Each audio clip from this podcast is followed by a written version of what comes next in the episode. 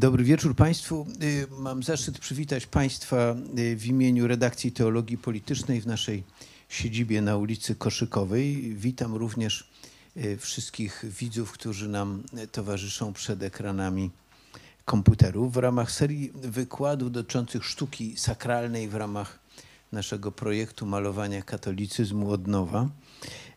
Witam Państwa dzisiaj na wykładzie pani profesor Bożeny Iwaszkiewicz-Wronikowskiej, która mm, wygłosi dzisiaj wykład pod tytułem Sztuka w pierwszych wiekach chrześcijaństwa. Y, Pani profesor Bożena Iwaszkiewicz-Wronikowska jest doktorem habilitowanym archeologii, absolwentką Uniwersytetu Warszawskiego oraz Papieskiego Instytutu Archeologii Chrześcijańskiej w Rzymie. Mistrzami pani profesor był profesor Kazimierz Michałowski mm, i profesor Barbara Filarska, pionierka, jeśli się nie mylę, badań nad sztuką chrześcijańską w Polsce. Także oddaję głos pani profesor i bardzo dziękuję za przybycie.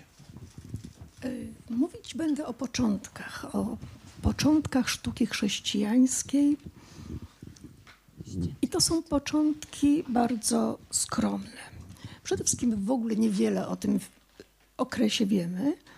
Najstarsze zabytki chrześcijańskiej sztuki pod względem jakości artystycznej są po prostu słabe i nie ma sensu tego ukrywać. Od takie sobie niewielkie obrazeczki, raczej naszkicowane na ścianach niż namalowane. Y, Bardzo wybitny znawca sztuki nowożytnej, profesor Tadeusz Chrzanowski, który lubił się ze mną droczyć, mówił, że ja się zajmuję zaciekami na ścianach. Oczywiście aż tak źle nie jest, ale trzeba przyznać, że to są zabytki mało efektowne. Wobec tego pytanie brzmi, dlaczego warto się nimi zajmować? I myślę, że akurat powód jest dość oczywisty. Jeżeli chce się dobrze rozumieć fenomen, który przetrwa wieki, który przyniesie prawdziwe arcydzieła, warto wiedzieć, jak to wyglądało na początku. Tym bardziej, że taki y, początek no, wcale nie jest y, rzeczą oczywistą. Z pierwszych 150 lat istnienia chrześcijańskich wspólnot, które przez ten czas rozprzestrzeniły się na terenie całego Imperium Romanum, nie zachowały się żadne wyobrażenia figuralne o chrześcijańskiej treści. 150 lat niczego chrześcijanie nie przedstawiali, w każdym razie żadne takie zabytki się nie zachowały. Wygląda więc na to, że i pod tym względem różnili się od wyznawców bóstw pogańskich, dla których obrazy w ich świecie wszechobecne były naturalnym sposobem komunikowania się tak między ludźmi, jak i z bogami. Dlaczego wobec tego chrześcijanie nie postępowali tak jak wszyscy? Dlaczego, co zarzuca im polemista Orygenesa Celsus, nie chcieli, cytuję, wznosić ołtarzy, posągów i świątyń? Odpowiedź na pytanie o przyczyny tego stanu rzeczy do niedawna wyglądała na łatwo. E, Myślałam, i nie ja jedna, że chrześcijanie po prostu kierowali się zapisanym w Księdze Wyjścia przykazaniem zabraniającym tworzenia jakichkolwiek, jak sądziłam, przedstawień figuralnych. Teraz muszę złożyć samokrytykę. Dopiero dzięki wykładowi, który w tym miejscu wygłosił niedawno ksiądz profesor Chrostowski, dotarło do mnie, że zakaz wyrażony w Księdze Wyjścia nie dotyczy jakichkolwiek obrazów, ale że chodzi tu o wizerunki bożków i o składanie im pokłonu. Y, Za to uściślenie i podkreślenie, y, że starotestamentowy zakaz obrazowania jest skierowany przeciwko bałwochwalstwu, bardzo jestem księdzu profesorowi wdzięczna. E, Dopiero dzięki temu, co ksiądz profesor mi uświadomił, zauważyłam, że przecież tak właśnie rozumieli to przykazanie wczesnochrześcijańscy pisarze. Było ich niewielu, ale wszyscy, których tutaj wyliczam, kiedy wspominają o zakazie y, obrazowania, to właśnie podkreślają jego znaczenie związane z bałwochwalstwem, jego y, mm, no, taki dosyć, jak się okazało, oczywisty przekaz. Wszyscy oni potępiali, ale też i bezlitośnie wyśmiewali y, tworzenie i otaczanie czcią tak zwanych idoli. To jest termin, który dość powszechnie y, zaczyna być używany na określenie tego, co my z kolei na polski przyłożyliśmy, nie za bardzo wiem dlaczego, jako właśnie Bożek, to zrozumiałe, ale bałwan. No tak się, tak się tłumaczy. Jednym z pierwszych apologetów y, dobrej nowiny był Arystydes.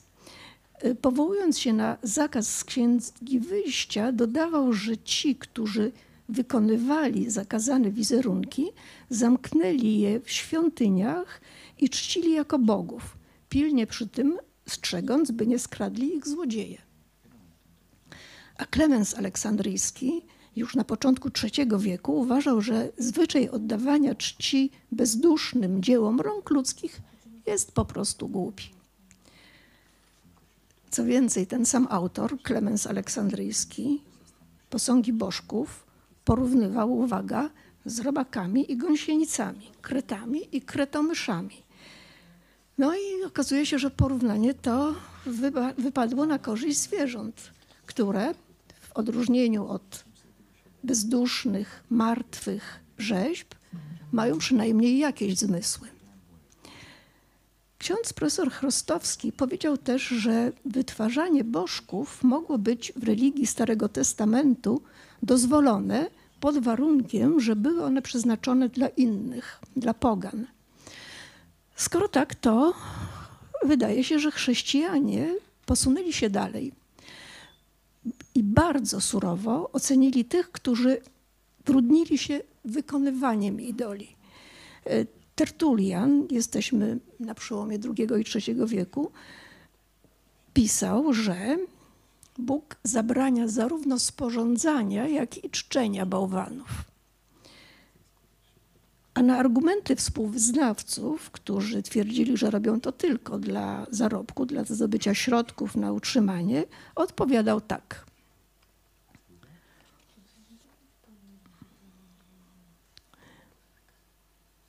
Innymi słowy, radził im, żeby przerzucili się na robienie bardziej pożytecznych przedmiotów, na przykład mebli. Tak? Kropkę nad i postawił w tej sprawie autor datowanego na III wiek tekstu znanego jako tradycja apostolska, który wręcz groził, że jeżeli ktoś jest rzeźbiarzem lub malarzem, jeżeli nie porzuci tego właśnie produkowania bożków, no to będzie wyłączony, domyślamy się, wyłączony z kościoła, czyli sprawa jest poważna. Nie jestem jednak pewna, czy w tamtych czasach niechęć chrześcijan do obrazowania obejmowała tylko wizerunki bożków. Jeżeli, na co też zwracał ostatnio uwagę ksiądz profesor, obrazem Boga jest człowiek, to pytanie Tertuliana, które tutaj Państwo widzą, wydaje się pytaniem retorycznym. Jak to się więc stało, że sztuka chrześcijańska jednak powstała i że to była sztuka figuralna? Bo przecież powstała i to w czasach Tertuliana, Klemensa, Aleksandryjskiego, Orygenesa, czego dowodem jest to malowidło. Najstarsze, jakie dotarło do naszych czasów, datowane na początek III wieku. E, Chociaż badacze głowią się nad tym już od kilkuset lat, wciąż nie mają dobrej, przekonującej odpowiedzi na pytanie, jak doszło do tego, że sztuka chrześcijańska powstała. Nie tylko na to pytanie, na wiele innych pytań z tym okresem związanych. Y, Ja też takiej odpowiedzi y, dobrej nie mam. Już dawno poddałam się i y, zrezygnowałam z prób jej odnalezienia. E, To nie znaczy, że te mizerne obrazeczki mnie nie intrygują, E, ale jednak wolę im się po prostu uważnie przyglądać, niż zagłębiać w rozważania, dla których nie ma podstaw źródłowych. Bardzo się staram nie wyciągać zbyt daleko idących wniosków, ale jednak mam pewne spostrzeżenia, pewne domysły, propozycje, e, bo to są raczej propozycje niż hipotezy i to właśnie nimi chciałabym dzisiaj się z Państwem podzielić, licząc na dyskusję, na to, że jednak Państwo również zechcecie się ze mną podzielić e, Waszą opinią na ten temat. Bardzo będę wdzięczna za wszystkie uwagi. Słucham? Za chwileczkę do tego przejdziemy, bo to jest właśnie to, co to jest moje następne zdanie. Najpierw jednak pokażę i e, możliwie najkrócej skomentuję obrazki, które wiele na to wskazują. E, mm, sztuce chrześcijańskiej dały początek. Zacznijmy od ich lokalizacji. A więc wygląda na to, że powstały w Rzymie. E, w Rzymie, czyli stolicy Imperium Romanum, ale też miejscu, gdzie od połowy I wieku przebywała jedna z najważniejszych chrześcijańskich wspólnot ówczesnego świata. Najstarsze chrześcijańskie obrazy odkryto w XIX wieku na terenie suburbium, a więc nie w samym mieście, tylko już poza jego granicami. Na jednym z cmentarzy rozciągających się przy Via Appia. W znalezionym pod tą zieloną trawką hypogeum, czyli podziemnym cmentarzu albo grobowcu, którego powstanie datuje się na lata 185-205. To jest datowanie dosyć precyzyjne, ustalone przez archeologów na podstawie takich dosyć przekonujących danych.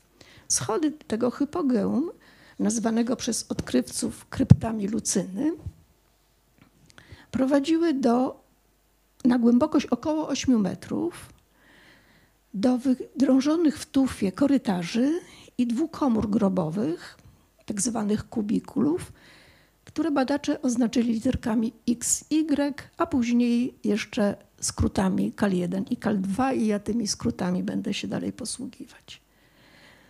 I tutaj właśnie przechodzimy do odpowiedzi na Pana pytanie. Sufit i ściany obu tych kubikulów zostały ozdobione malowidłami, utrzymanymi w charakterystycznym dla tamtej epoki, czyli końca II, początku III wieku stylu. Tak właśnie, to znaczy rozmieszczonymi na bardzo jasnym tle pojedynczymi motywami, rozdzielonymi czerwonymi i zielonymi liniami, zdobiono w tamtych czasach ściany domów, wnętrza mieszkalne, ale też i grobowców, które uważano również za mieszkania, tyle że przeznaczone dla zmarłych, jako ich dom na wieczność. W trendy panujące w cmentarnej sztuce tamtych czasów dekoracja krypt Lucyny wpisuje się nie tylko pod względem stylistycznym, ale i tematyką malowideł. No i teraz czas, żeby przyjrzeć się im e, bliżej. Spójrzmy tutaj najpierw na kubikulum Y, czyli KAL 2. W narożnikach kompozycji tego sufitu przedstawiono cztery postacie. Na przemian dwie orantki i dwóch pasterzy, z których każdy trzyma owieczkę na ramionach. Najpierw zacznijmy od pasterzy, troszeczkę powiększe, żeby coś było widać. Wiem, że za dobrze nie widać, no ale dobre i to, tak? Pasterze. Ukazani są tutaj zgodnie ze znanym od bardzo wczesnej starożytności typem ikonograficznym, dla którego przyjęło się określenie dobry pasterz. Grecy i Rzymianie widzieli w przedstawieniach pasterzy różne znaczenia symboliczne, między innymi nawiązujące do idyllicznych y, radości, Y, wiejskich, a także do personifikacji humanitas. Słowem, temat, przedstawienie o bardzo głębokich znaczeniach i w świecie starożytnym, i w Biblii. Słowem, postać znacząca. Podkreślam, tutaj wpisana w dekorację sufitu, a w tamtym czasie wyjątkowo popularna w sztuce sepulkralnej. Te wyliczenia to nie są moje, to są wyliczenia, które zrobił pewien belgijski uczony i jak widać 501 przykładów datowanych jest na drugą połowę trzeciego wieku i 4 piąte z nich należy do twórczości sepulkralnej, czyli cmentarnej. E, to jest dosyć istotne, ponieważ wszystkie malowidła, o których dzisiaj będę mówić, to jest twórczość cmentarna. Twórczość, y, którą no, jak próbujemy ocenić, to dobrze, żebyśmy umieli mieć tak z tyłu głowy obraz naszych cmentarzy y, i wtedy ta no, nienadzwyczajna jakość może y, jest lepiej, lepiej zrozumiała. Jakość jest nienadzwyczajna, ale warto pamiętać, że mamy tutaj do czynienia z samym początkiem ikonografii chrześcijańskiej.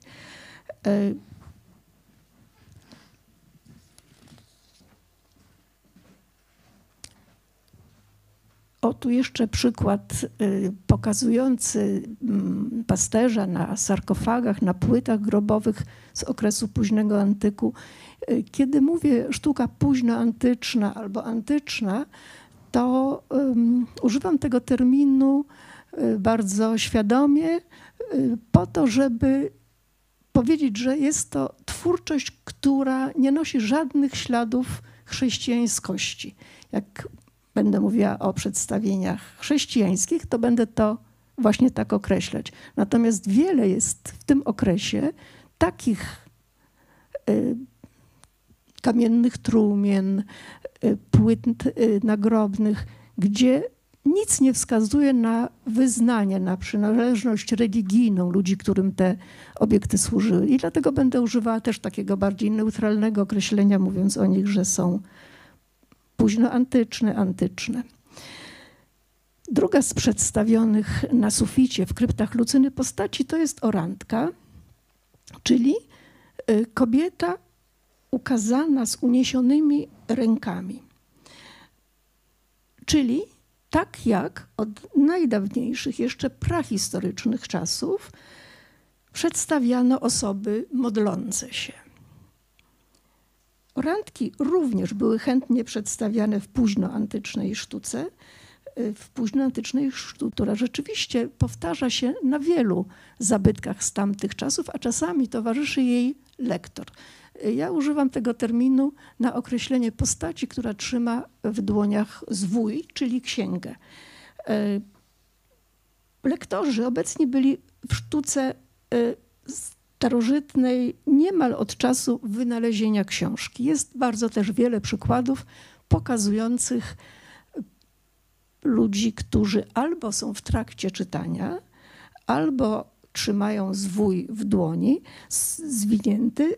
W każdym razie jest to również temat, y, można powiedzieć, obecny w sztuce starożytnej od wieków, ale y, popularność szczególną również ten temat podobnie jak też i Orantka, zyskał w okresie późnego antyku w sztuce sepulkralnej tamtych czasów. Jest tego bardzo wiele przykładów.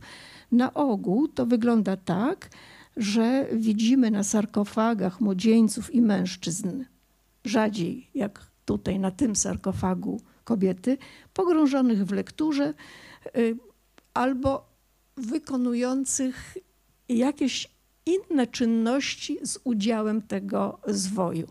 Y, to znaczy na przykład trzymając w dłoni jednej zwój, w drugiej gest y, oranta, wykonując, no, można się domyślać, że jest to y, modlitwa zainspirowana tym treścią tego, co zapisano na zwoju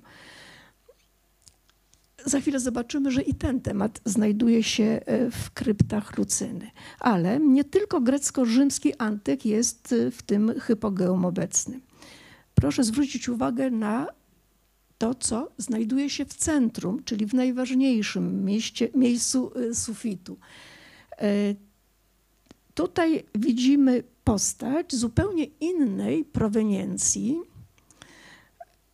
Nagością przypomina wprawdzie antycznego Efeba, ale liczne późniejsze analogie, niektóre nawet podpisane, tak jak te, nie pozostawiają wątpliwości, że jest to Daniel. Daniel, którego tutaj pokazano, można powiedzieć, też w typie ikonograficznym, zainspirowanym treścią Starego Testamentu, w którym mamy opis historii, relację historii, która kończy się ocaleniem Daniela, wtrąconego wcześniej do jaskini lwów. I tutaj te dwa lwy, tak antytetycznie po obu stronach modlącej się postaci y, pokazane, y, mają y, precyzować temat tego, tego przedstawienia. A teraz z tego sufitu przenieśmy wzrok o tutaj na ścianę, gdzie między lokulusami, czyli tymi wnękami przeznaczonymi na złożenie ciał, przedstawiono półleżącego nagiego mężczyznę. E, e, dość wyraźne jest podobieństwo między tą postacią i sposobem jej przedstawienia, a tym młodzieńcem, również nagim i leżącym, e, w, pokazanym w taki sposób, w jaki w starożytności po, przedstawiano e, osoby śpiące. Nie ulega wątpliwości, że tutaj mamy do czynienia, kontekst na to wskazuje, z Endymionem, antycznym, e, mitycznym pasterzem. A więc Jonasz i Endymion, czyli znów inspiracja biblijna, bo przecież Jonasz to jest postać biblijna, e, że chodzi o Jonasza, o tym świadczą znów późniejsze analogie. E, nie ulega wątpliwości, że jest to ten starotestamentowy prorok, o którym e, opowiada księga Jonasza.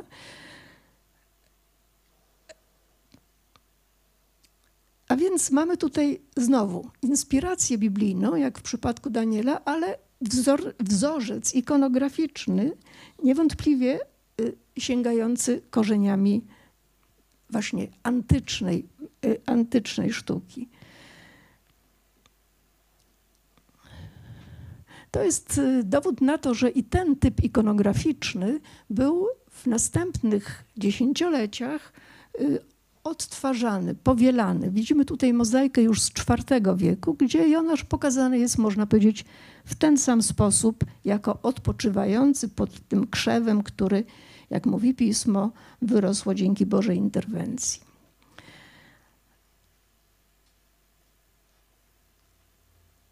To jest y, jedna z ważnych cech tych pierwszych y, przedstawień chrześcijańskich odtwarzanie raz ustalonego typu ikonograficznego. Na razie widzimy tego przykłady, można powiedzieć, um, zaczerpnięte częściowo z antyku. Zaraz zobaczymy, jak powstają nowe typy ikonograficzne, tym razem już specyficznie chrześcijańskie. E, specyficznie chrześcijańskie takim tematem i sposobem przedstawienia jest scena chrztu. Y, w kubikulum X, czyli tym już drugim z dwóch kubikulów krypty Lucyny, naprzeciwko wejścia widzimy chrzest. Y, jest tutaj też lektor, ale no właśnie tak już naprawdę niewiele widać. To jest już taki mały fragmencik sufitu, ale na tej ścianie naprzeciw wejścia widać więcej. Y, widać dwóch mężczyzn.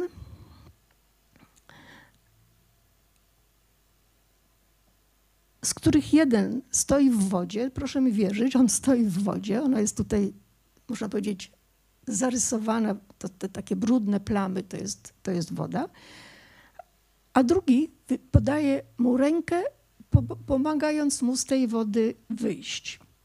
Nad nimi, co widać lepiej na tej akwareli, unosi się ptak o szeroko rozpostartych skrzydłach. Badacze są dość zgodni y, w interpretacji tego, przedstawienia y, na ogół uważają, że jest to scena chrztu albo Jezusa, albo katechumena i którego z nich co do tego już zgody nie ma. Obecność chrztu i starotestamentowych proroków, którzy tak w ówczesnej chrześcijańskiej egzegezie, jak w późniejszej chrześcijańskiej ikonografii odgrywali ważną rolę, przesądzają o tym, że dekoracja krypt Lucyny uważana jest za bezspornie chrześcijańską. Teraz wróćmy na chwilę do pytań, jakie y, nie mają dobrej odpowiedzi. Tak?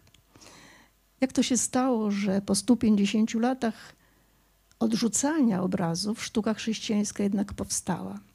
I dlaczego w Rzymie? I dlaczego na cmentarzach? Y, ja też, nie, jak mówiłam, nie mam odpowiedzi, która, która byłaby tutaj zadowalająca, więc tylko chcę przedstawić pewne sugestie. Może Państwo sami zechcą y, ocenić, czy, y, czy to są wystarczające argumenty przemawiające za tym, że chrześcijanie już wtedy jakby dojrzeli do, do tego, żeby zacząć tworzyć swoje własne obrazy. Nie tyle odpowiedź, co podpowiedź znajdujemy w tekstach z tamtych czasów. Jednym z nich jest apologetyk, no przepraszam, apologetyk Tertuliana. Tertulian pisze, że całe miasto myśmy obsiedli. Na wsi, w warowniach, na wyspach są chrześcijanie. E, on w bardzo taki, można powiedzieć, wyrazisty sposób mówi o tym, że w tamtych czasach, to jest końcówka II wieku, liczeb, liczebność kościoła, można powiedzieć, wzrosła e, bardzo znacznie. Można mówić chyba nawet o masowych nawróceniach y, ludzi pochodzących ze środowisk pogańskich, nawróceniach na chrześcijaństwo. To jest y, fragment Tertulia, fragmenty Tertuliana, ale y, podobne uwagi znaleźć można u Eusebiusza z Cezarei w historii kościelnej. Eusebiusz mówi, że za panowania Kommodusa, Commodus to są lata 180-192. Słowo zbawicielowe doprowadziło niezmiernie wiele dusz ludzkich z wszystkich narodów do pobożnej czci Boga Wszechrzeczy. Także już nawet bardzo wielu Rzymian, co najznakomitszych y, y, bogactwem i urodzeniem, garnęło się do zbawienia z całymi swymi rodzinami. Y, to są teksty, które no, zawierają wiele ciekawych informacji, bo to znaczy, że nie tylko było bardzo wielu chrześcijan, ale też pochodzili z tych środowisk, y, które y, no, mm, mogły nie chcieć wyrzec się całego swojego dziedzictwa kulturowego, całej swojej tak bardzo nasyconej obrazami grecko-rzymskiej cywilizacji. Bo te środowiska to byli ludzie wykształceni, zamożni. Y, o tym między innymi, o tych chrześcijanach pochodzących z warstw powyżej średniej, y, mówią też inne teksty, na przykład akta Piotra, apokryficzny tekst akta Piotra, który opisuje sytuację w rzymskiej, y, w rzymskiej wspólnocie. Z drugiej strony, y, żeby móc przyjąć tych ludzi w swoje szeregi, wspólnoty chrześcijańskie musiały zgodzić się na zaakceptowanie albo przynajmniej tolerowanie zwyczajów, jakie ci ludzie ze sobą y, przynosili. Jeżeli to były zwyczaje, które no, wcześniej przez Kościół czy kościoły nie były akceptowane. E, to jest próba odpowiedzi na drugie pytanie, dlaczego w Rzymie? Akurat w tamtych czasach Kościół rzymski, można powiedzieć, słynął z łagodnych wymagań stawianych konwertytom. To były czasy, kiedy kościołem Rzymu zarządzali biskupi najpierw Zefiryn, a później jego y, następca Kalikst. To jest ten czas, kiedy powstają malowidła w kryptach Lucyny. Kościół rzymski nie bez powodu porównywany był wtedy do Arki Noego, w której schronić się mogą wszyscy. Autor tego porównania, rzymski kapłan i zaciekły przeciwnik, nawet można powiedzieć wróg polityki tych obu biskupów, ze zgorszeniem donosił, że Kalikst miał wielu zwolenników, ponieważ przyjmował do kościoła nawet największych grzeszników. I dalej pisał autor tego, tego oto tekstu. Utrzymywał nawet Kalikst, że już sama Arka Noego wyobraża Kościół i tak jak w niej znajdowały się razem psy, wilki, kruki i w ogóle wszelkie stworzenie, zarówno czyste jak nieczyste, tak też powinno być w Kościele. To jest e, tylko próba e, zrozumienia, jak to się stało, że Kościół zaakceptował, czy przynajmniej tolerował e, stosowanie się do zwyczaju, który no, przynieśli ze sobą nowonawróceni, a to był zwyczaj chyba jeden z tych, których najtrudniej się było wyrzec. Zwyczaj e, opiekowania się grobami, ozdabiania tych grobów, ozdabiania ich obrazami. To zwyczaj, który w świecie antycznym był powszechnie praktykowany. I jak się okazuje, ten zwyczaj przyjął się w kościele rzymskim, bo na kolejne y, obrazy, na kolejne malowidła podobne do tych skrypt Lucyny nie trzeba było długo czekać. Pojawiły się, przepraszam, jeszcze w pierwszej połowie III wieku, znów przywija Apia, y, w niewielkiej odległości od krypt Lucyny. Powstał tam podziemny cmentarz przeznaczony dla wszystkich potrzebujących pochówku członków rzymskiego kościoła. Nazwany został cmentarzem Kaliksta od imienia ówczesnego diakona, późniejszego biskupa, którego, jak czytamy w tym samym tekście cytowanym przed chwilą, biskup Zefiryn sprowadził z Ancjum i powierzył mu zarząd cmentarza. Na cmentarz Kaliksta składały się początkowo tylko dwa równoległe, prawie równoległe korytarze 40-metrowej długości, wykute w tufie, na głębokości 8-9 metrów. W ich ścianach wydrążono lokulusy przeznaczone na składanie ciał.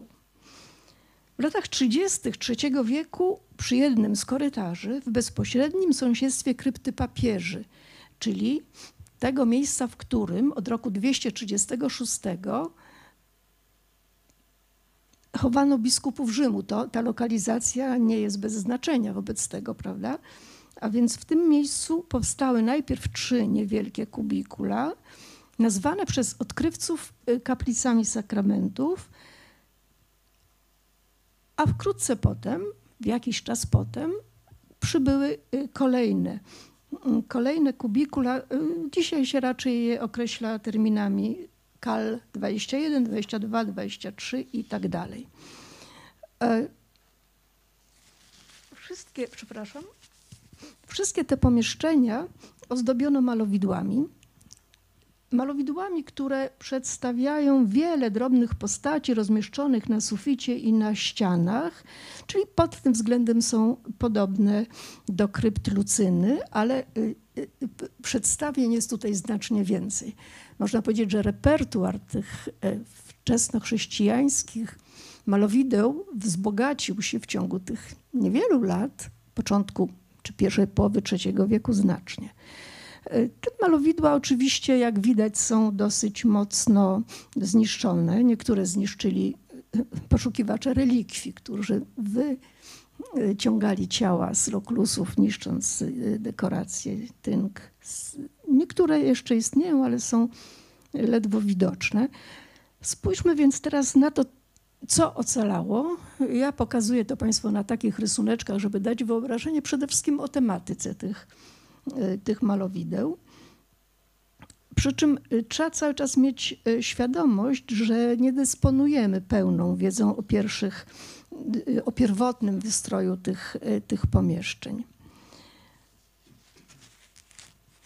Ale myślę, że nawet patrząc na te rysunki, dość łatwo jest zauważyć, że pod pewnymi względami, również tematycznie, y, są to y, przedstawienia podobne do krypt Lucyny i od razu muszę dodać, że są tutaj też dość istotne różnice.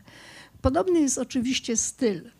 Styl ten, który czasami się określa w literaturze jak terminem styl czerwono-zielony ze względu na kolory tych obramowań, którymi rozdzielone są y, motywy figuralne.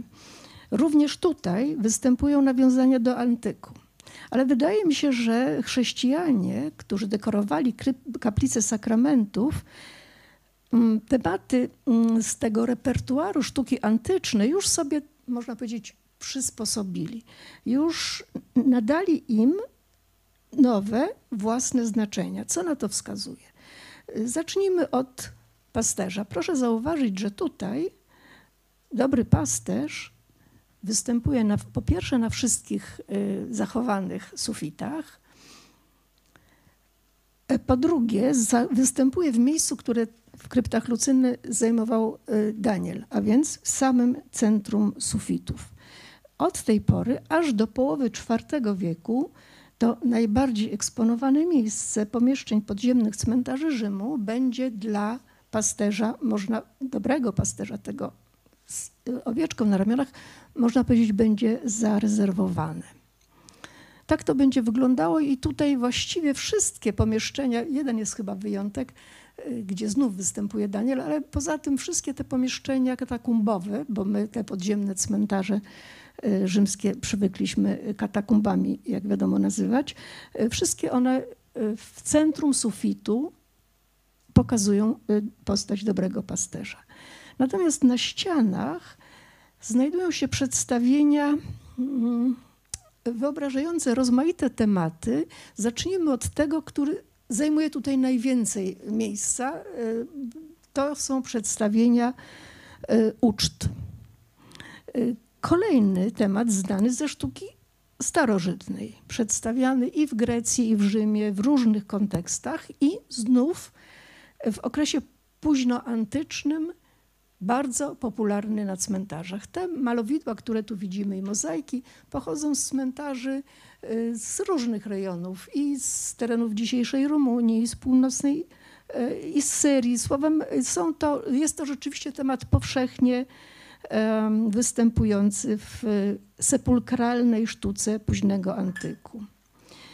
Y, Notabene y, akurat na cmentarzach w tamtych czasach uczty rzeczywiście się odbywały jako forma oddawania czci zmarłym. Y, to jest też temat szeroko dyskutowalny o dużej literaturze. Musimy to zostawić. Ja bym chciała tylko jeden, jeden szczegół tutaj Państwu pokazać. Szczegół, na który moim zdaniem nie zwraca się dotychczas w badaniach wystarczającej, wystarczającej uwagi. Mm, proszę bardzo, tutaj mamy w pobliżu uczt o takie dwa przedstawienia, w których miejsce centralne zajmuje trójnóg. Trójnóg, czyli taki typowy dla tamtych czasów stół, stolik. Tak? Te przedstawienia, które sąsiadują z ucztami w kaplicach sakramentów, moim zdaniem, mm, no, należałoby potraktować poważniej. E, przy jednym z nich stoją kosze z chlebami, a przy drugim dwie postaci. Jedna się modli, podnosząc ręce, druga wykonuje gest y, nakładania rąk. Y, rąk y, na leżące na stoliku przedmioty, w których niektórzy widzą chleby i, i ryby. Ja się nie odważę, bo to rzeczywiście nie za wiele widać, ale wydaje mi się, że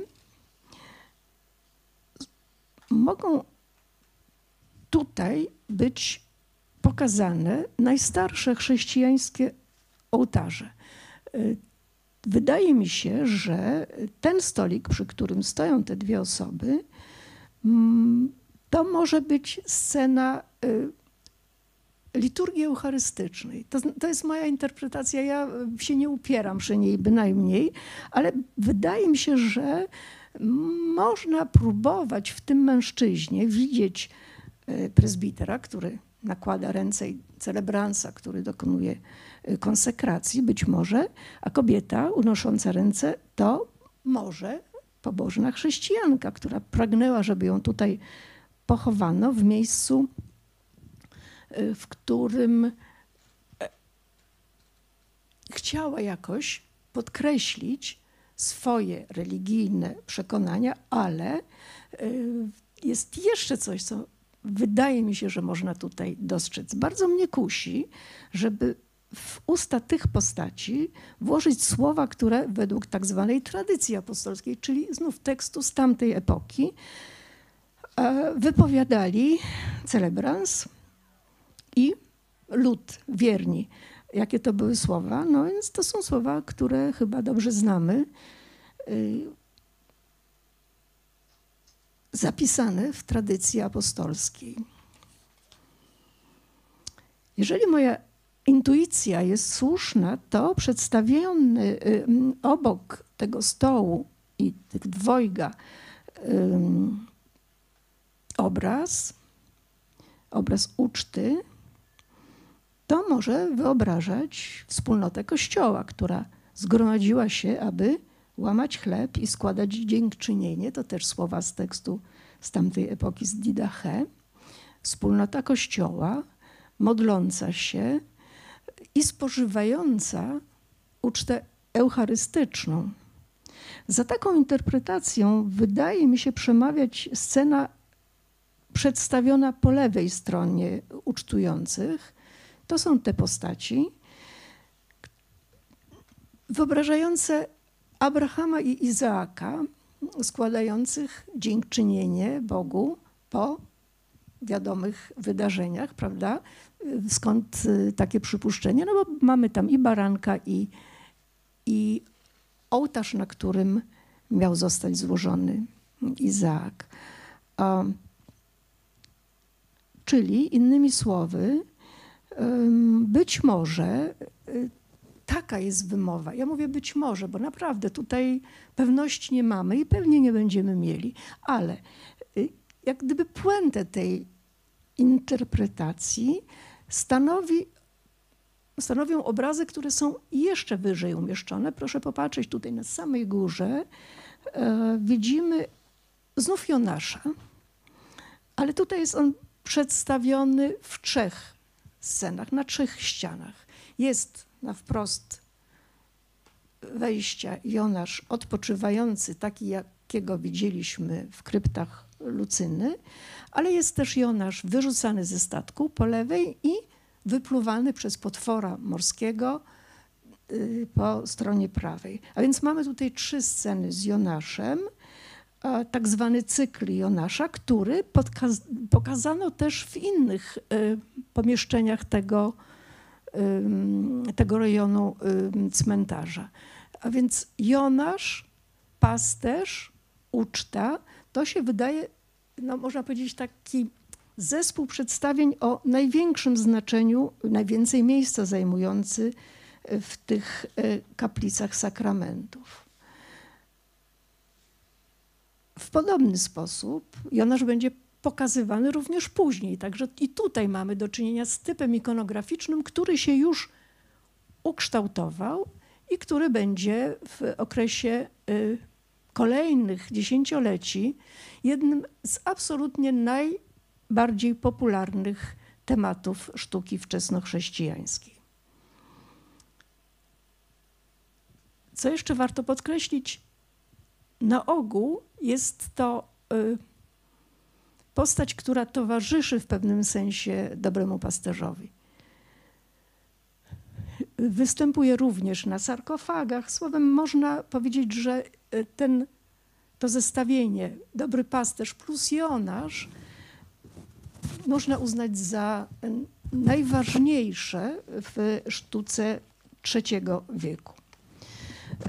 E, w sztuce, przepraszam, w kaplicach sakramentów przedstawiono też E, scenę udzielania chrztu. E, przepraszam, tutaj widzimy najpierw jeszcze, to powinnam powiedzieć wcześniej, cud źródła, czyli Mojżesza uderzającego w skałę, ale też scenę udzielania chrztu. Trochę inaczej ona wygląda w kaplicach sakramentów niż w krypcie Lucyny, bo tutaj widzimy chrzciciela, który nakłada ręce na głowę, na głowę neofity.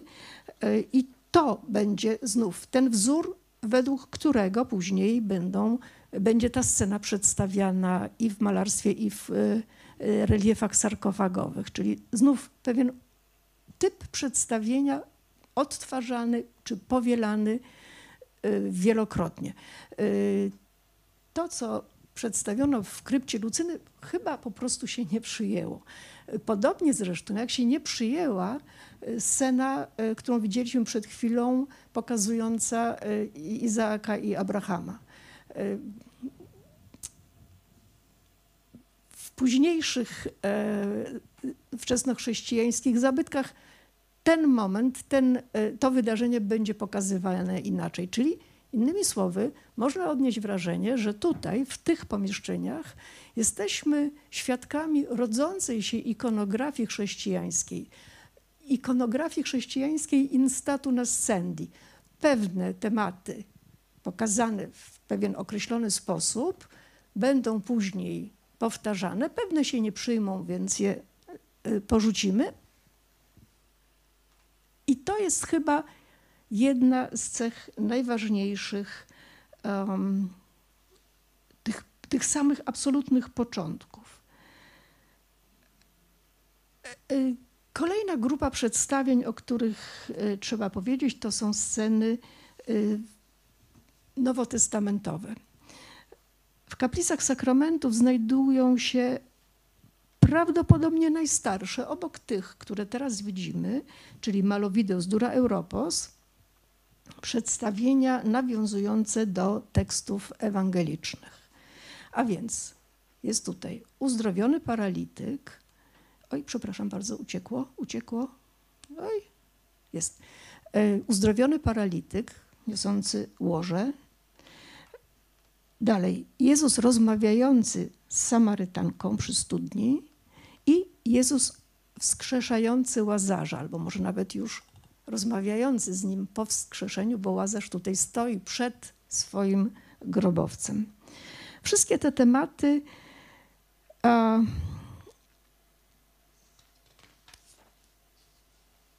składają się na całkiem nie tak znowu bardzo bogaty repertuar e, sztuki y, trzeciowiecznej. Proszę zobaczyć, tu jest zestawienie, które obejmuje właściwie wszystkie tematy, jakie się y, pojawiają. O, nie ma ich wiele, ale każde z nich niewątpliwie kryje, się, kryje w sobie treści no, symboliczne. E, Świadczy o tym sposób, w jaki były, e, jakie były te sceny pokazane. E, Zawsze bardzo zwięźle. Mówi się czasami, że są to przedstawienia skrócone. Zawsze przy pomocy środków wyrazu skrajnie uproszczonych, e, czyli są to przedstawienia w formie znaków. Tutaj nie ma skłonności do narracji żadnej. E, I właśnie to, co już podkreślałam wielokrotnie, za pośrednictwem typów ikonograficznych, bądź przejętych ze sztuki antycznej, bądź specyficznie chrześcijańskich, które tutaj się kształtują. E, Te specyficznie chrześcijańskie, e, hmm, no właśnie, nie ma ich tak znów bardzo wiele i pytanie, dlaczego akurat są te, a nie ma innych. E, Zastanawiałam się nad tym, nie tylko ja, jakie było kryterium wyboru akurat tych, a nie innych przedstawień z całego bogactwa opowieści, opowieści nowotestamentowych. Jak się przyglądałam, przyglądałam i zauważyłam wtedy pewną prawidłowość. Wydaje mi się, że w każdej z tych scen, o, które powstały w kolejnych też e, katakumbach, e, które wokół Rzymu w pierwszej połowie III wieku e, się pojawiły, każdej z tych scen Jezus wykonuje pewien gest, który nie może być przypadkowy. Dlaczego gest nie może być przypadkowy? Dlatego, że w starożytności znaczenie przywiązywane do gestów, które jak pisał Kwintylian, czyli człowiek, który wiedział o czym mówi, są wspólnym językiem wszystkich ludzi.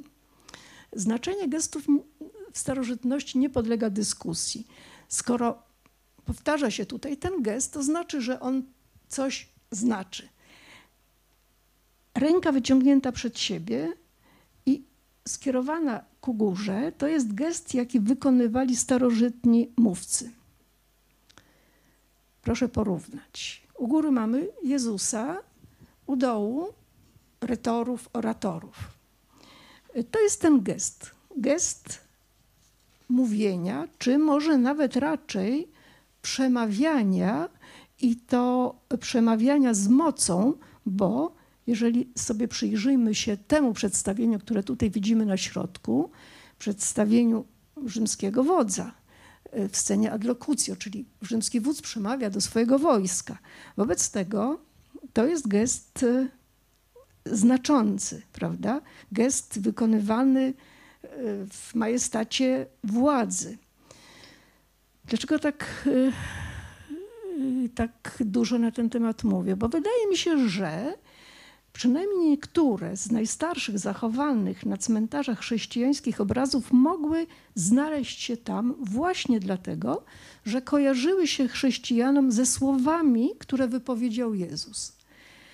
Z konfrontacji przedstawionych epizodów z ich ewangelicznym opisem wynika, że przy okazji każdego z tych epizodów Jezus wypowiedział słowa przekazujące niezwykle ważne prawdy chrześcijańskiej wiary. Spójrzmy jeszcze raz na te sceny. Wskrzeszenie Łazarza, no i ja jestem zmartwychwstaniem i życiem. Dalej, Samarytanka i te słowa, prawda? Dalej, kobieta chora na krwotok i podkreślenie znaczenia, jakie ma wiara Wydaje mi się, że nie jest to e, kwestią przypadku, że właśnie te sceny znalazły się w najstarszych e, malowidłach katakumbowych. Myślę, że te słowa, słowa Jezusa jego wyznawcom przypominać mogły też obrazy, w których Jezus nie jest fizycznie obecny. Na przykład o, te słowa, które właśnie może tutaj warto jeszcze przypomnieć, te słowa, które krążyły w ówczesnym świecie w postaci logiów, logiów czyli tych słów, które zapisano zanim jeszcze powstały Ewangelie, słowem, e, słowa Jezusa, e, które jak pisał, e, czy mówił, pisał w liście do Rzymian święty Paweł, e, można powiedzieć, były podstawą y, naszej wiary. Wiara rodzi się z tego, co się słyszy, a tym zaś, co się słyszy, jest słowo Chrystusa. Dalej, jeszcze zdanie też wszystkim znane słowa świętego Piotra, zapisane przez Jana, skierowane do Jezusa, do którego Piotr mówi: Ty masz słowa życia wiecznego. I właśnie inne przedstawienia, bez Jezusa, bez gestu przemawiania, ale kto wie, może tutaj też chodzi o skojarzenie, o przypomnienie, że w, przy tej okazji, przy okazji wskrzeszenia paralityka, te słowa się pojawiły. O odpuszczaniu grzechów. No i tutaj jeszcze jeden przykład, e, też obraz, który no, myślę, że chyba jednak w tym przypadku nie może być wątpliwości. Został wybrany właśnie ze względu na słowa Jezusa.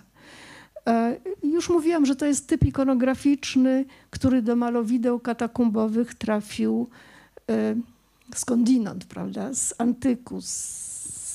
Stworzyli go artyści przedchrześcijańscy.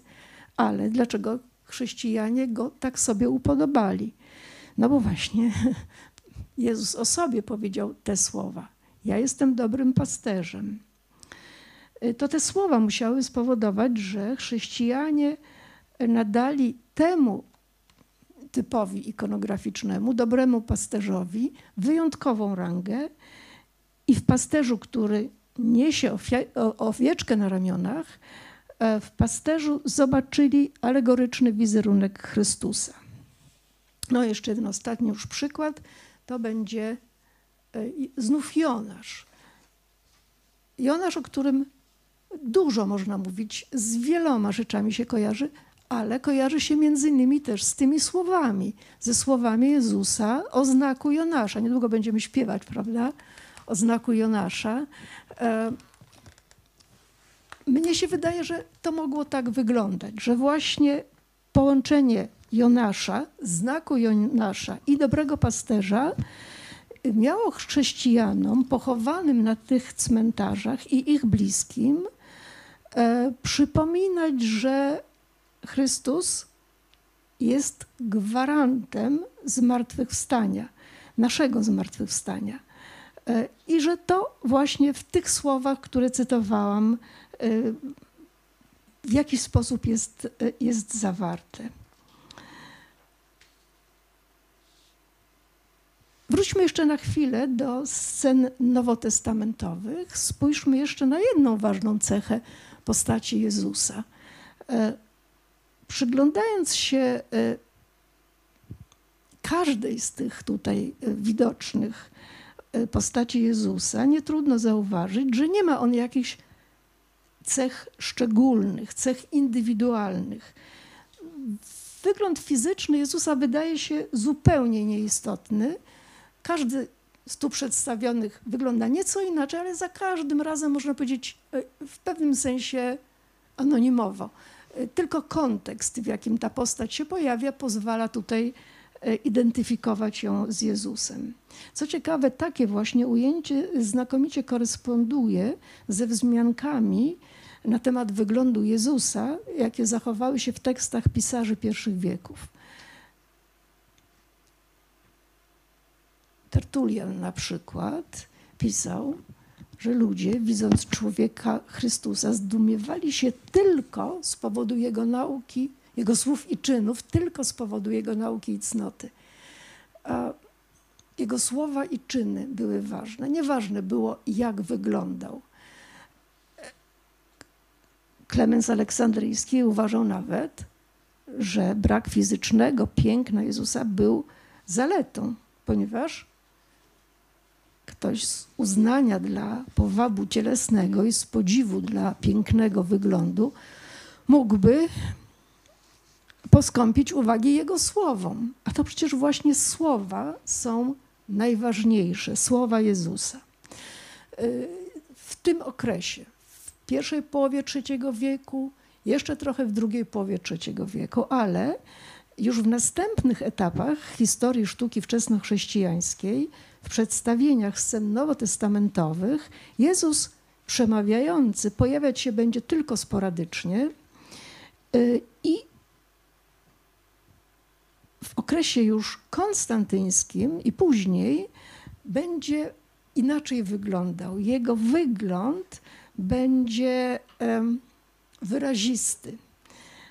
Gest przemawiania zostanie zastąpiony nakładaniem rąk na głowy uzdrawianych osób, e, trzymaną w dłoni pałeczką, która symbolizuje moc, cudotwórczą moc Jezusa, bo to właśnie jego czyny będą e, w tych już czwartowiecznych przedstawieniach eksponowane. E, A wygląd e, się zmieni w ciekawy sposób, ale to już, e, to już nie jest temat mojego dzisiejszego wystąpienia, więc ja myślę, że to już trzeba będzie kończyć, bo to jest przecież wykład o początkach, tak? A Jezus przedstawiany jako piękny młodzieniec o długich lokach, czy jako brodaty, dostojny mężczyzna, to już jest zupełnie inna, inna historia. Także dziękuję za uwagę i to tyle. I błagam o dyskusję.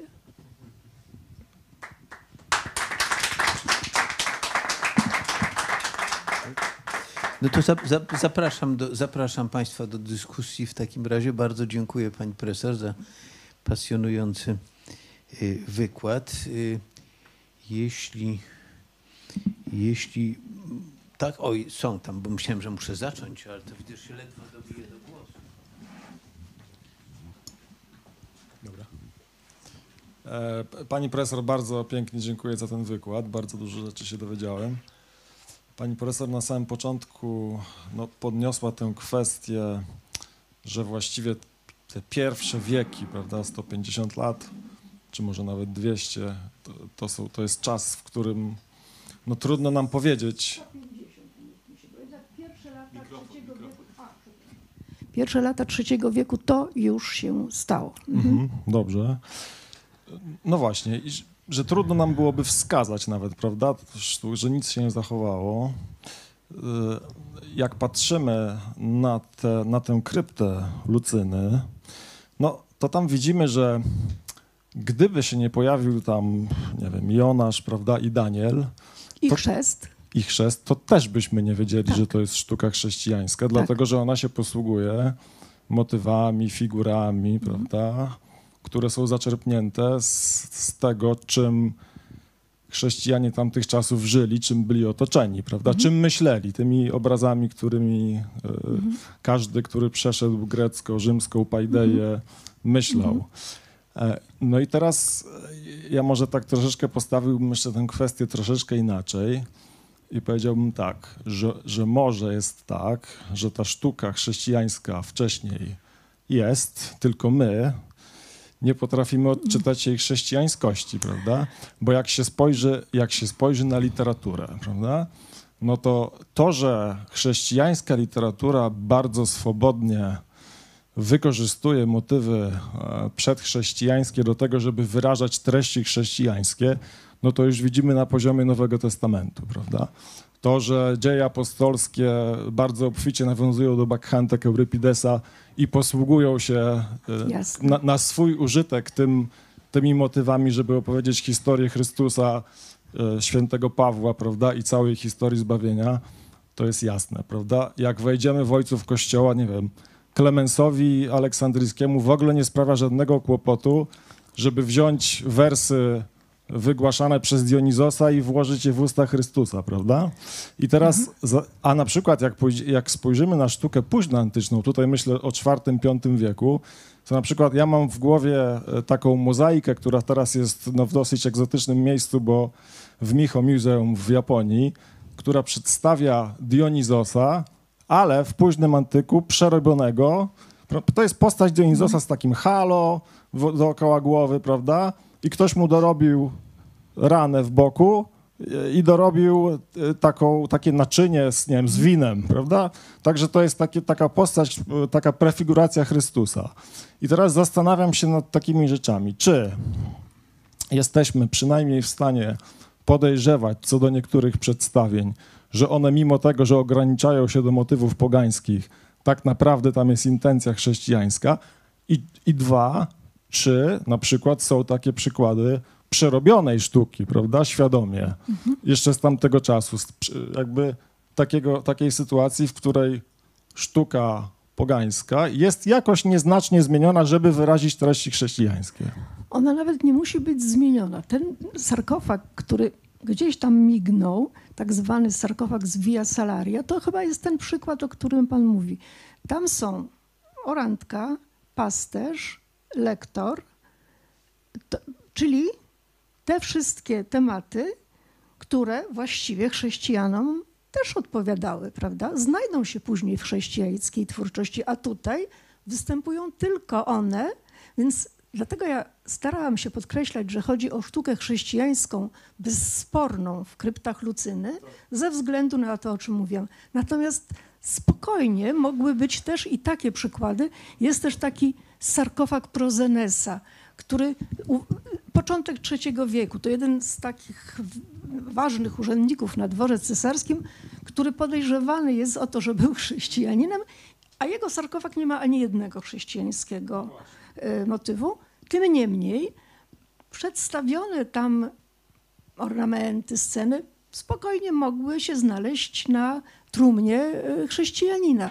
Oczywiście tak, dlatego trudno jest mówić o takich przedstawieniach. Ja, jeżeli chodzi o ten sarkofag z Via Salaria, on w bardzo wielu publikacjach uważany jest za chrześcijański ze względu na to, że tam pasterz jest w centrum. I bardzo możliwe, że rzeczywiście tak jest, ale ten sarkofag może był, może nie był, nie wiemy i nie mamy na to odpowiedzi i szansy na odpowiedź nie będzie. Natomiast w kryptach Lucyny już wiemy, tak, prawda? A, ale, To, no, ale właśnie pytanie jest takie, czy, czy, czy to jest kombinacja motywów, która znosi wątpliwość, że nie mamy do czynienia y, z po prostu taką ikonografią powiązaną ze schatologią pogańską? No przecież Endymion doskonale nadaje się jego ale, to historia nie, ale do... to nie jest Endymion, to już jest Jonasz. Dlaczego? Bo on wygląda identycznie jak ten z kaplic sakramentów, gdzie mamy sceny nowotestamentowe i jest to już bezwzględnie y, ikonografia chrześcijańska, a te dwa przedstawienia są, jak mówię, niemalże identyczne. Ja długo miałam kłopot z rozróżnieniem, który jest z skrypt Lucyny, a który z kaplic sakramentów. Czyli to już jest Jonasz, to nie jest Endymion. On wygląda jak Endymion, Ja, ja, Bo- ja, ja, do Mhm. czegoś, ja do czegoś zmierzam, bo my się z Filipem zajmujemy y, y, od no, wielu lat y, taką hi, hi, hipotezą, hipotezą która pozwalałaby traktować mitologię grecką, przede wszystkim grecką, jako rodzaj preparacją. Y, ten moment właśnie w sztuce chrześcijańskiej wydaje się z tego punktu widzenia szczególnie spektakularny, bo rzeczywiście w tekstach mamy albo wątki intertekstualne, jak we wspomnianych dziejach apostolskich, gdzie oczywiście filologicznie rzecz jest niezbita, tyle że trudno powiedzieć, czy nie są to po prostu pewne literackie gesty definitywnie. Wydaje nam się, że można udowodnić, że nie, ale sprawa jest dyskusyjna. Natomiast w tym wypadku intrygujące jest pytanie takie, czy, y, czy przypuszcza Pani, to będzie pierwsze pytanie, że mamy tu do czynienia z czymś więcej niż tylko z, wyko- z, z wykorzystaniem pewnej poręcznej, bo obecnej w warsztacie twórców, którzy się być może nawracają na chrześcijaństwo, mm, ikonografii. Czy można domyślać się jakiegoś związku między snem Endymiona, nad którym pochyla się mm, y, Selenę, zakochana, prawda, by, by, by, tego pogrążonego w wiecznym śnie, bo Endymion został skazany przez Zeusa na wieczny sen y, za karę, że zakochał się w, w, He- w Herze, prawda, a, a opowieścią o Jonaszu, który jest tu figurą zmartwychwstania, prawda, oczywistą. Czy, czy, czy, czy, czy można by się domyślać, że tu intencją jest wskazanie na jakiś protochrześcijański to sens. wnuki. A to bardzo miły obraz.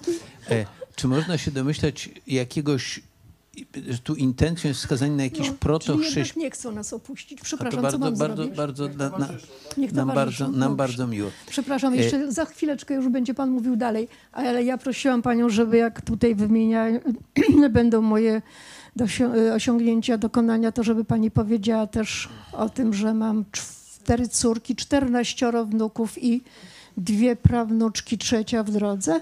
No, to są E. tylko niektóre z nich. Przepraszam bardzo, już. Czy, czy, znaczy, czy można się domyślać do jakiegoś, bo ja nie pamiętam z tekstów tego typu su, su, su, sugestii i to, mnie, i to mnie intryguje. O ile pisarze chrześcijańscy pierwszych dwóch wieków, prawda, właściwie aż do Klemensa Aleksandryjskiego są niezwykle uważni, by nie powstała sugestia, że może być cokolwiek dobrego w religii pogańskiej, prawda? Znaczy to jest, jest to stały wątek y, obawy, to jest konkurencyjna chodos, prawda? I nikt nie zaryzykuje wskazywania czegoś dobrego w tej religii wprost, zwłaszcza w tym okresie pierwszym, by nie no, by nie sprowadzić ludzi na manowce. Tutaj ta strategia nie obowiązuje. To jest intrygujące, prawda? No nie wyobrażam sobie, by Tertulian w in, czy Justyn w innym sensie niż podkreślając, zarzucacie nam niedorzeczność, a przecież sami wierzycie w bardziej niedorzeczne rzeczy, bo w tym kontekście pojawić się mogą mity wyłącznie w pierwszych dwóch wiekach. Tutaj tymczasem wydaje się, że pewna swoboda, z jaką wykorzystuje się te dwa zwłaszcza, no bo ten błąd pastore, no to to jest prawdopodobnie Orfeusz, prawda? Nie, jest, nie, nie, to jest pasterz. Tak, tak, ale Orfeusz chodzi, nie. mi, ale chodzi mi Nie, o nie, wcześniejsze nie, znaczenia nie. mu Orfeusz to jest jeszcze inna ścieżka. Orfeusz, o nim nie wspominałam, ale on też powstaje przedstawienie Orfeusza w katakumbach się pojawia też w pierwszej połowie trzeciego wieku albo zaraz na początku drugiej. Czyli I to jest jeszcze... dobry pasterz, Tak, tak, Orfeusz uczty, prawda, jako Tak. pewien temat Orfeusza proszę na razie nie poruszać, bo Dobrze, to jest dobrze, dopiero dobrze. później i to jest troszkę inny też... Dobrze, problem. zo- Tak. zostałem go. Ale czy tu może być sugestia taka, że te mity są figurami, e, e, figurami nowotestamentowych wydarzeń, że są zapowiedziami, że są preparacją? Tak, więc y, u Tertuliana na pewno nie, prawda? Ateny i Jerozolima to jest coś, co się nie da w żaden sposób połączyć, ale rzeczywiście u Klemensa już tak. I Klemens to jest akurat ten autor, który między innymi mówi o Chrystusie jako, jako Heliosie, jako Słońcu, Sprawiedliwości. No, rzeczywiście to się wszystko zmienia na początku III wieku. I dlatego tak cytowałam tego Eusebiusza w dłuższym fragmencie, bo wydaje mi się, że to jest przyczyna.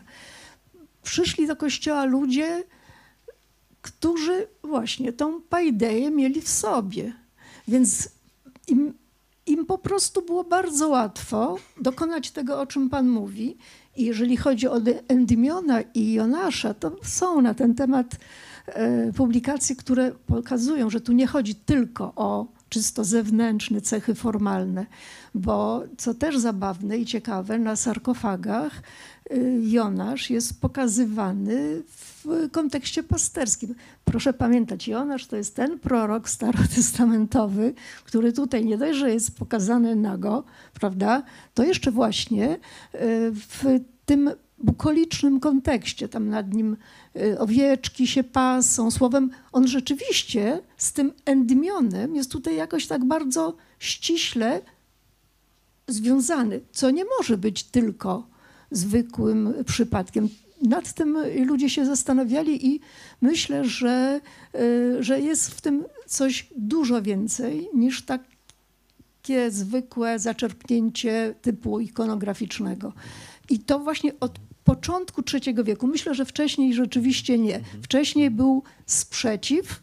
Przy końcu II wieku ta, ta, to, to masowe nawracanie się, to chyba jest, mnie się tak wydaje, nie jestem pewna, Przy czym- przyczyna, przy dla czym- której się zmienia. Klemens mówi o preparacji w wypadku filozofii pogańskiej, prawda? Mhm. Nigdy w wypadku religii, znaczy tego typu tekstów wprost.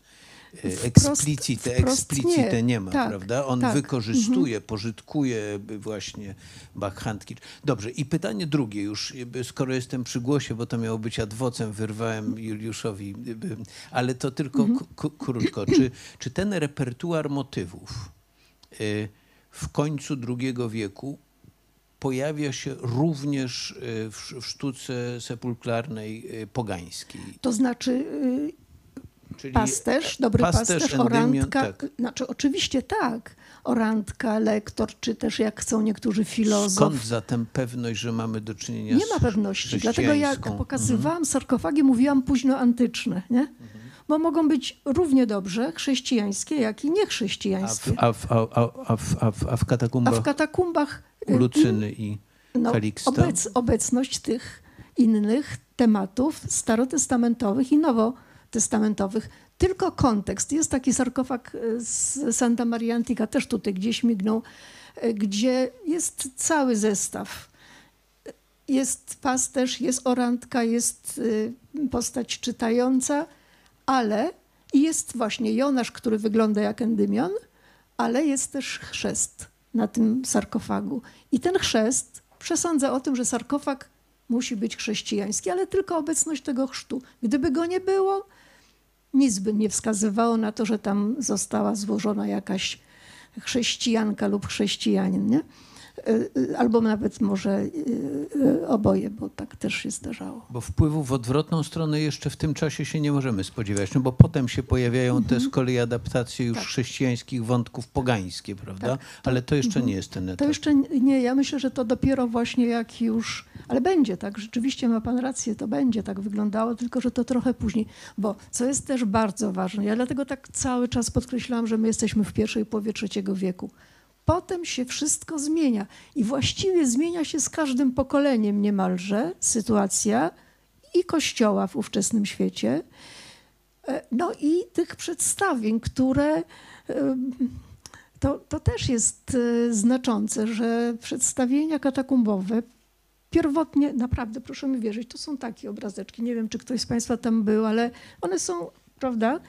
Potem się okaże, że będą też naprawdę całkiem efektowne, niezłe. Są takie e, na przykład w kryptach, e, przepraszam, w katakumbie Priscilli i gdzie indziej, gdzie nawet można mówić o pewnej jakości artystycznej. Wszystko się zmienia z czasem i zmienia się e, zwłaszcza w IV wieku. To jest niesamowity e, okres, e, w którym, no można powiedzieć, aż się kłębi, nie tylko w teologii, ale też i w sztuce. Zachodzą takie zmiany, e, które właśnie, uwaga, doprowadzą do powstania sztuki sakralnej. Tutaj nie ma w ogóle o czym mówić, prawda? To jest cmentarz. Tak jak u nas na cmentarzu też nie powiemy, że te cmentarne y, pomniki to jest sztuka sakralna. No nie. Tak samo było i tam. Y, Ale z jakiegoś powodu chrześcijanie chcieli zaznaczyć swoją wiarę przy grobach. Ja myślę, że to była właśnie ta potrzeba wyrażenia, wyrażenia nadziei na zmartwychwstanie spoglądając na tego pasterza, na przykład można było głosić e, głośno nawet, recytować psalm, e, który się odwołuje do tej właśnie nadziei, prawda? Także myślę, że to chyba, i to jest nowość. Wcześniej to w ogóle było tak w II wieku jeszcze przecież, że chrześcijanie w ogóle nie specjalnie zabiegali o to, żeby w jakikolwiek sposób zadbać o groby. Pewnie tak samo jak i ze sztuką. Było też i tak, że na cmentarzach no, chowano chrześcijan, tylko w żaden sposób ich e, pochówki nie były jako chrześcijańskie wyróżnione. Ten cmentarz Kaliksta to jest pierwszy, o którym można powiedzieć, że jest rzeczywiście cmentarzem kościoła, bo zarządzany przez biskupa, przez prezbiterów i potem już tak będzie. Ale wcześniej nie. Bardzo chętnie cytuję też y, y, mm, z początku II wieku Ignacego z Antiochii, który jak mu tam proponowano, że był w drodze na męczeństwo, prawda? Na śmierć męczeńską do Rzymu go wieziono i proponowali mu chrześcijanie z Rzymu, że go jakoś y, ocalą, wy, wyrwą. A on y, chciał tego męczeństwa, ale co powiedział też ciekawego, że on y, chce, żeby jego ciało zostało zmielone zębami tych zwierząt, które go pożrą, bo nie było ważne, nie był ważny pochówek i zadbanie o, y, o ciało po śmierci. To się zmienia w ciągu II wieku i tutaj się okazuje, że chrześcijanie też chcą mieć swoje cmentarze, chcą, chcą o nie zadbać, chcą je ozdobić obrazami. Czyli sytuacja rzeczywiście nowa. Tak się to zaczęło, a potem to już zmieniało się z każdym pokoleniem. Aż doszliśmy do sztuki sakralnej i do świątyń, których, proszę zauważyć, w III wieku w ogóle nie ma. Dura Europos. y, Nie, to nie była sztuka sakralna. Y, Tu jest jeszcze jedna ciekawa rzecz, którą może też warto przy okazji powiedzieć, jak dużo jest nieporozumień rozmaitych związanych z tamtymi czasami i tym, co wówczas się działo w kościele. W Dura Europos to Państwo wiedzą, tak? Dom kościoła y, na pograniczu mniej więcej Syrii i Mezopotamii nad Eufratem. Miejscowość, gdzie archeolodzy w latach dwudziestych znaleźli dom, w którym niewątpliwie spotykali się chrześcijanie. Te malowidła, które pokazywałam tutaj przez chwilę, nowotestamentowe, y, tam y, też zostały znalezione, a datowanie jest dość dobrze określone, bo ten, y, ta, ta, ta twierdza rzymska została zniszczona w połowie III wieku i w związku z tym to wszystko musi być wcześniejsze, czyli gdzieś pierwsza połowa III wieku. Powszechnie się e, twierdzi, pisze, że te malowidła zdobią wnętrze baptysterium w Dura Europos. No więc ja uważam, że nie i to nie ja wymyśliłam, bo jeden z odkrywców e, tego domu powiedział, że to nie może być baptysterium, że to jest miejsce, w którym kogoś znacznego pochowano. I to naprawdę brzmi znacznie e, poważniej i bardziej prawdopodobnie niż baptysterium, bo e, wszystko wskazuje na to, że tam nie można było odbywać chrztu we wnęce takiej niewielkiej, gdzie w ogóle trzeba by doprowadzać wodę, a przecież Eufrat był blisko i po co. Słowem, jest wiele argumentów przemawiających za tym, że rzeczywiście to był też grobowiec, tylko że urządzony w domu, ale w Mezopotamii, jak wiadomo, chowano zmarłych od niepamiętnych czasów w domach. Także to mogło być coś takiego. Ja myślę, że tak, że to też jest sztuka sepulkralna. E, No, słowem więcej jest takich różnych y, ciekawych rzeczy, chociaż to wszystko takie niepozorne, tak? Zacieki na ścianach. Proszę bardzo, Julek. Tak, dziękuję. Znaczy, ja mam takie jedno krótkie, doprecyzowujące pytanie, bo jest, podkreślasz, mm, nie chcę powiedzieć niską jakość artystyczną, ale powiedzmy nie, nie najwyższych lotów jakość artystyczną tych pierwszych dzieł. I teraz chciałbym cię poprosić o porównanie do dzieł antycznych z katakumb tego samego czasu. Nie ma y, antycznych katakumb. Katakumby, Tak. czyli to, te cmentarze Czy- podziemne, tak, które tak. my nazywamy katakumbami, Tak. co się przyjęło od tam już późniejszych czasów, bo one były nazywane koimeteria, koimeterion albo cemeterium, czy od koimaomai, czyli, gdzie jest ten y, filolog? Od spania, prawda? Czyli miejsca snu wiecznego, domyślamy się. Sypialnia, tak samo jak kubikulum zresztą, to też była sypialnia. To były miejsca, y, w których spoczywali zmarli. y. Dlaczego mówię, że nie ma pogańskich katakumb? Dlatego, że rzeczywiście to jest też ciekawe. Ten cmentarz Kaliksta y, zapoczątkował nowy rodzaj pochówków, nowy typ cmentarza. Cmentarz podziemny, bardzo, bardzo y, rozgałęziły się te pierwotne korytarze. Y, Na tych cmentarzach chowano dziesiątki tysięcy zmarłych w III i IV wieku, ale one były chrześcijańskie i jeszcze jakie? Panie Julku? Żydowskie, nie? W tym samym czasie mniej więcej powstały tego typu rozwiązania sepulkralne, właśnie żydowskie w Rzymie. W kilku miejscach, również przy Via Appia pod Winiaranini, jest y, cmentarz. Ja miałam ochotę Państwu pokazać jedno z tych kubikulów, bo one są dekorowane w identyczny sposób, tylko bez figuralnych przedstawień.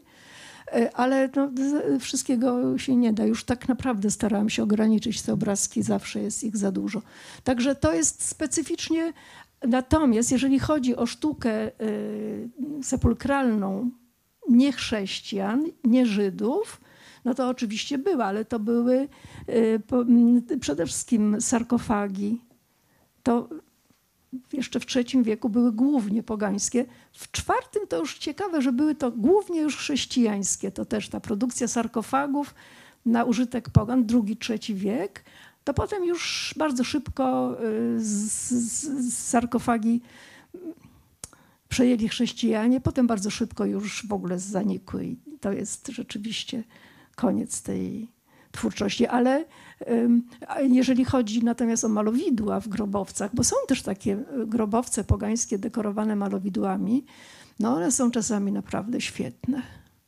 Świetne, różne. To też, to też zależy właśnie, kto był właścicielem, na co było człowieka stać, kogo mógł zatrudnić. Także albo kaplica Medyceuszy, prawda, albo zwykły cmentarz gdzieś tam, no. I wtedy adekwatne do możliwości finansowych dekoracje. Hmm? Mamy jeszcze jedno pytanie. Ja chciałem takie pytanie laika, bo ja jestem e, o tyle zdziwiony. Dlaczego ci chrz- wczesnochrześcijańscy artyści e, nie używają krzyża, bo nie pojawia się krzyż. No, dla mnie to Tak, jest... oczywiście. No. Znaczy tak, może zróbmy tak. Najpierw, czy w ogóle uprawnione jest tutaj to określenie artyści? Jak ja kiedyś mówiłam, tak jak pan teraz, o artystach, o twórczości artystycznej, o sztuce, o sztuce wczesnochrześcijańskiej, jeden z moich przyjaciół mnie cały czas poprawiał, mówi, czy tu można w ogóle mówić o artystach, nie? Rzeczywiście to, jest, to wszystko jest takiej jakości, jak widać. Natomiast jeżeli chodzi o krzyż, to jest też wielki temat.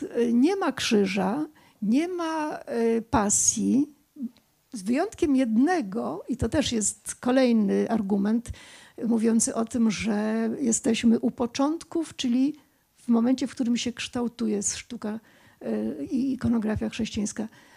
Jest tak zwana krypta pasji w katakumbie pretekstata. Ja ją tam pokazałam przez chwilę przy Via Appia. To też wczesna, po, połowa trzeciego, pierwsza połowa trzeciego wieku. Krypta, gdzie znajduje się między innymi scena uważana za koronowanie cierniem. Ona jest tak do niczego niepodobna. Nie ma żadnych późniejszych analogii, ale y, być może to jest, i to byłby wyjątek potwierdzający regułę, która mówi, że w ogóle w sztuce tamtych czasów nie ma scen drastycznych, nie ma śmierci, nie ma zła. Y, Nastrój generalnie jest taki właśnie optymistyczny. To znaczy to, co nas w tych katakumbach najbardziej, że tak powiem, trzyma, to jest nadzieja zmartwychwstania. A krzyża nie ma. Krzyż będzie dopiero na sarkofagach w drugiej połowie IV wieku. I to na początku będą znaki krzyż przypominające, nie? ale to jest jeszcze inna historia i to um, znów w trzecim wieku, jeżeli w ogóle, to tylko na płytach zamykających lokulusy pojawiają się takie wyobrażenia, które właśnie są tymi znakami, y, w których krzyża należy się domyślać.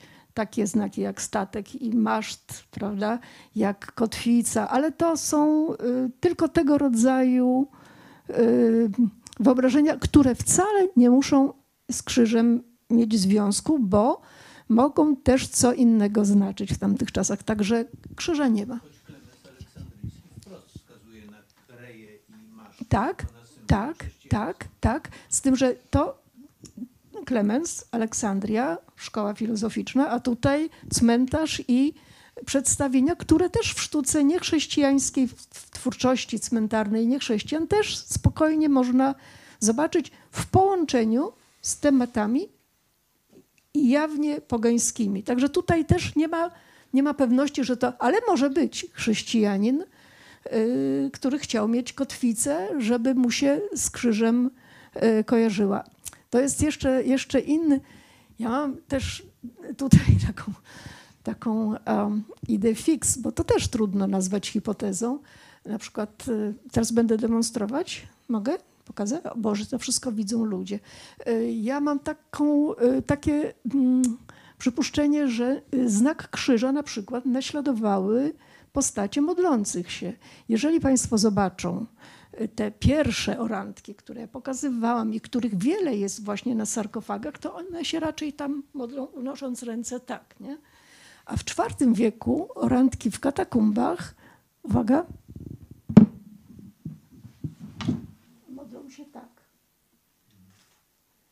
E, Czyli, czyli expansis manibus. O tym też mówią teksty źródłowe, że właśnie Chrystus też rozkładał ręce na krzyżu w takim, w takim geście, który będzie, orantka naśladuje ten gest, ale krzyż będzie późniejszy. No, pierwszy krzyż taki, na którym Chrystus yy, umiera, to jest dopiero początek V wieku, czyli pierwszy, drugi, trzeci, czwarty, to proszę sobie pomyśleć, to jest trzysta kilkadziesiąt lat, nie? I dopiero wtedy pojawia się krzyż na drzwiach w Santa Sabina w Rzymie, na tam takich z kości słoniowej przedmiotach słowem. To jest dużo późniejsza, dużo późniejsza sprawa. Wcześniej na sarkofagach też jest, tak. Pojawia się w mozaikach, ale to dopiero, to najpierw ten krzyż triumfalny. Krzyż jako znak zwycięstwa, a nie, a nie pasji. To jest niesamowite, bo rzeczywiście długo bardzo w ogóle żadnego, żadnego cierpienia w sztuce yy, nie ma. W sztuce chrześcijańskiej. Pani profesor, jeśli można, dwa takie szybkie pytania, E, bo o ile ja dobrze zrozumiałem e, tą część wykładu, że w tym e, to, to przedstawienie, te przedstawienia już, które później pani pokazywała, te sceny starotestamentalne, nowotestamentalne, E, Ta, ta kaplica sakramentów. Mhm. E, Jeśli ja dobrze zrozumiałem, pani profesor jakby zwracała uwagę, że tam e, clue sprawy jest Chrystus wykonujący, mówiący słowo, Mhm. mówiący słowo, słowo jakby z mocą, prawda?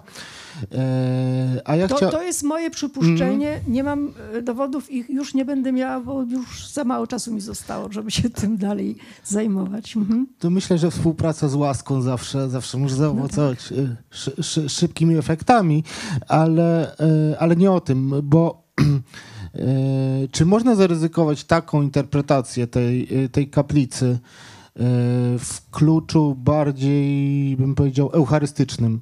To znaczy, w, w sensie o co mi chodzi? Znaczy, bo mamy tą ucztę, e, prawda? E, dobry pasterz jest ostatecznie, to jest też ten pasterz, który daje życie za owce. Izaak jest jakąś tam, jest jakoś tam, Figurą, figurą. jest tak. figurą Mhm, też, też tego, Mhm. który baran, barankiem, żertwą i, Tak. i, i, i ofiarą równocześnie. Na ile można właśnie w tą stronę patrzeć, że, że, że nie gest y, oratora, mm, tylko, tylko właśnie jakieś takie wątki eucharystyczne, prawda? No bo też zwróciła Pani uwagę na, te, na ten stół, na te trójnogi, a też jeśli się, jeśli się orientuję, no to chrześcijaństwo jest też religią, y, gdzie chrześcijanin to jest ten, który ma już przystęp do stołu pańskiego, który jest chlebem życia. Katechumen? Jeszcze nie. Katechumen wychodzi, prawda, z Eucharystii po, po liturgii słowa. Jest jakby wypraszany. Y, Więc, więc prawdziwie chrześcijanin to jest ten po chrzcie, ten, który już ma przystęp do, Do e, do, ten. Czy, czy możemy w tą stronę to, To znaczy interpretować bardziej? Może zacznijmy od samego określenia kaplicy sakramentów. To jest y, określenie, które gdzieś tak od połowy XIX, od czasu jak odkryto te pomieszczenia, e, występuje i wzięło się właśnie stąd, że odkrywcy i później pierwsi badacze ikonografii z Wilpertem na czele e, uważali, że te wszystkie przedstawienia mają jakiś związek z sakramentami Eucharystii i chrztu. Dlatego no nie, nie wszystko udało mi się, ale jest tam również Mojżesz w tym sensie, prawda, e, interpretowany baptyzmalnie i, i inne przedstawienia. Oni to wszystko próbowali sprowadzić do tych eucharystyczno-chrzcielnych treści, czyli sakramentów. Krytyka tego podejścia była miażdżąca.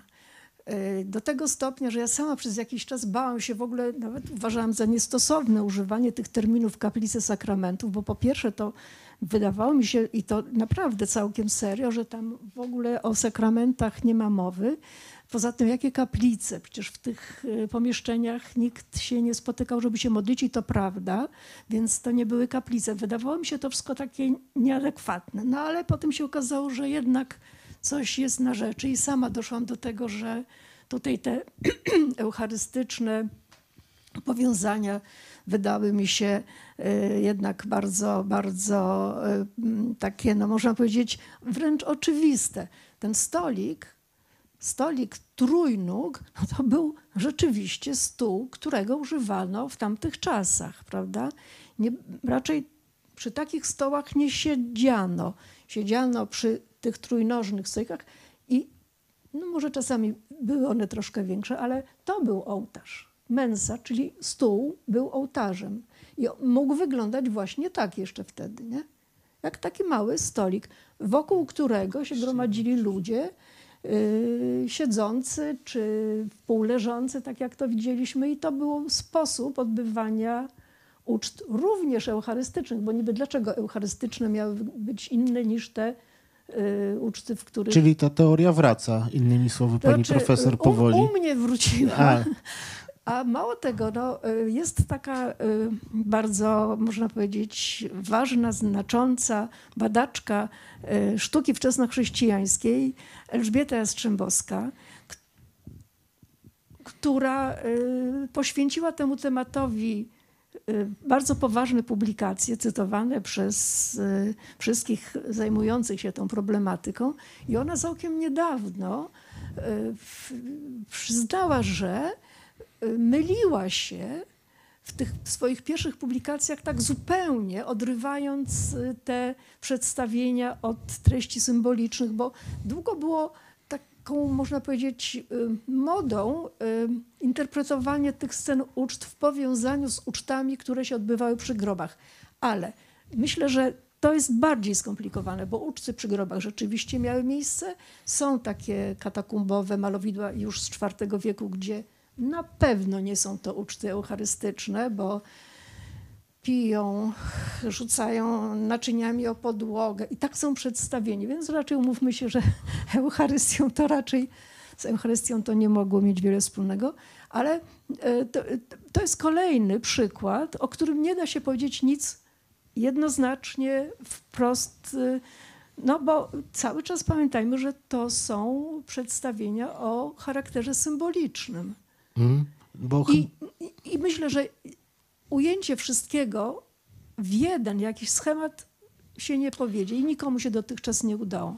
No, no właśnie, a propos tych typów i tej, tej symboliki, ja chciałem zapytać, czy ktoś jakby prześwietlał, że tak powiem, prześwietlał te symbole w, w tej kaplicy sakramentów, użyjmy tej nazwy, pod, jak, pod kątem, nie wiem, jakiejś patrystycznej literatury, że, że tam właśnie, że tam właśnie ten zestaw, bo nie wiem, Tak. Samarytanka, Tak. Kościół z Pogan, Tak. Augustyna, Wszystko było. czyli nie, nie dało się z tego Nie, wyciągnąć to, jakiegoś... To problem polega na tym, że korzystając z tekstów, z tekstów patrystycznych, mam nadzieję, że pan mnie poprze, właściwie udowodnić można wszystko.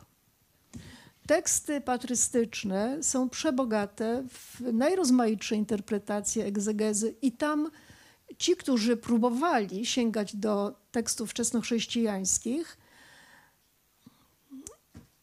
no, czasami dochodzili do ściany, bo nie da się wszystkiego wytłumaczyć y, y, tym, co napisali ojcowie Kościoła. No, słowem, dlatego ja mówię, że spróbowałam tylko zrobić ten malutki wycineczek. Wcale nie jestem pewna, że mam rację. Mówię o tych gestach i tej, tym najstarszym ołtarzu. To jest tylko takie przypuszczenie, propozycja, ale jak było, to nie wiem. Znaczy z pewnością daje się też, bo oczywiście sakramentalna interpretacja jest możliwa, ale też jest po prostu możliwa taka zwykła chrystocentryczna, prawda? Znaczy przecież y, ofiara Izaaka, y, Tak. y, y, y, y, historia Jonasza, to wszystko są figury Chrystusa, więc można sobie wyobrazić, że kaplice są całkowicie podporządkowane właściwie wyłącznie kwestii obecności. Stąd to pytanie, które nas tak poruszyło na początku z Filipem, czy można przyjmować bez wielkiego ryzyka, że pewne mity mogły być, traktować, mogły być traktowane jako albo reinterpretowane Ja myślę, że jako ten fi, fi, endy, figury. endymion jest dobrym takim poletkiem doświadczalnym, na którym można by tak. to badać. Natomiast oczywiście no, jest kwestia eschatologiczna. No, uczta jest nie tylko ucztą eucharystyczną, ale jest po prostu obrazem życia wiecznego też, prawda? I Bardzo wielu istotnym, jeszcze więc, innych y, znaczeń. Więc tak. tu można by krążyć. Y, Pomiędzy którymi nie trzeba. Tak, tak, tak, to. tak, tak, tak, Tak. tak. Wie, wielo, wielo, znaczy, tak. wieloznaczność, polifoniczność jest tutaj, jest tutaj ważnym, Tak. jest tutaj ważnym sensem. Y, cie- Ciekawe z tym krzyżem, o który pan pytał, bo y, Mhm. kiedy się pojawia ikonoklazm, to jest ten krzyż, który pojawia się tak późno w sztuce chrześcijańskiej, jest jedynym przez ikonoklastów dopuszczanym Mhm. znakiem chrześcijaństwa i w tych zachowanych Tak, ale historia krzyża to jest późniejszy już tak, czas. tak, tak, tak. Ogromnie dziękujemy za wykład i za bardzo, Bardzo ciekawe odpowiedzi. Dziękuję bardzo. Ach, bardzo się cieszę, że miałam tą możliwość, bo no trochę mi żal, że tak y, niewiele osób się interesuje wczesnochrześcijańską sztuką, no bo jak widać, ciekawe to jest, tak? Jeszcze raz dziękujemy. Do widzenia Państwu. Zapraszam na następny wykład. Do zobaczenia.